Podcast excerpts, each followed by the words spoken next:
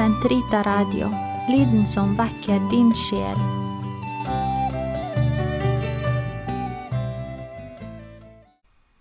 Lovet være Jesus Kristus, og velkommen til katekese for, for konfirmanter og unge voksne. Jeg er deres vert, Peder Josef Foss, og jeg gleder meg over å annonsere denne podkastens nye navn. Og det navnet er Crux Sacra Katekese. Og jeg vil gjerne si noen ord om hvorfor jeg valgte dette navnet. Crux Sacra er latin og betyr Det hellige kors.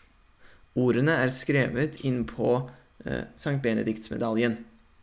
For dem som ikke har hørt om Sankt Benediktsmedaljen før, så er den eh, en medaljong, en liten medaljong med eh, Den hellige Benedikt på den ene siden, og eh, med et kors på den andre siden med en, en rekke eh, inskripsjoner. Um, og den eh, Det er ikke helt sikkert når den først ble eh, produsert.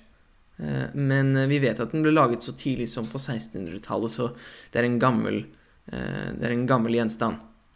Den, er, den, velsignes ofte av en prest som, stre, som stenker den med vivaen, Og ved å ha den på eller nær seg, har den vært kjent for å være et middel som gir forsvar mot onde krefter, som helbreder folk for sykdommer og plager, og som kan føre til ikke-troendes omvendelse.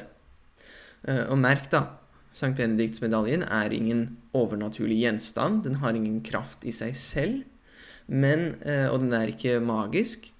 Men um, Gjennom den viser man sin hengivenhet til hellige Benedikt, og da eh, kan det få ham til å gå i forbønn for oss. Og de fleste, de fleste rosenkranser har allerede en Sankt Benedikts-medalje på seg, eh, men eh, den kan også eh, has i kjede rundt halsen, f.eks., eh, eller eh, legges et, et visst sted i hjemmet, eller, eller lignende. Så Sankt Benediktsmedaljen er noe jeg ville anbefale alle mine lyttere uh, å gå med, eller ha. Men altså, uh, hva med crux sacra?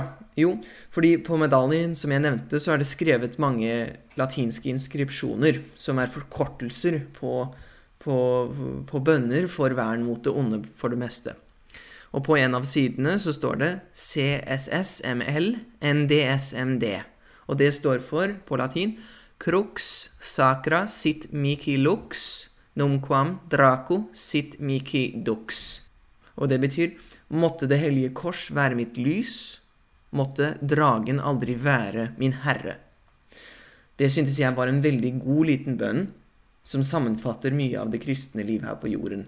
Ehm, fordi vi, vi ber om at Kristi kors, hans lidelse og død og offer, som frelser oss fra synd, skal være vår tilflukt og vårt lys, det lyset som fører oss til å gi oss selv som offer i kjærlighet til Gud og vår neste, det lyset som jager mørket på flukt, det lyset som viser oss hvem Gud er, kjærlighetens selv, en givende kjærlighet, og det som til sist fører oss frem til oppstandelsens herlighet, fordi oppstandelsen er, som vi vet, på andre siden av korset.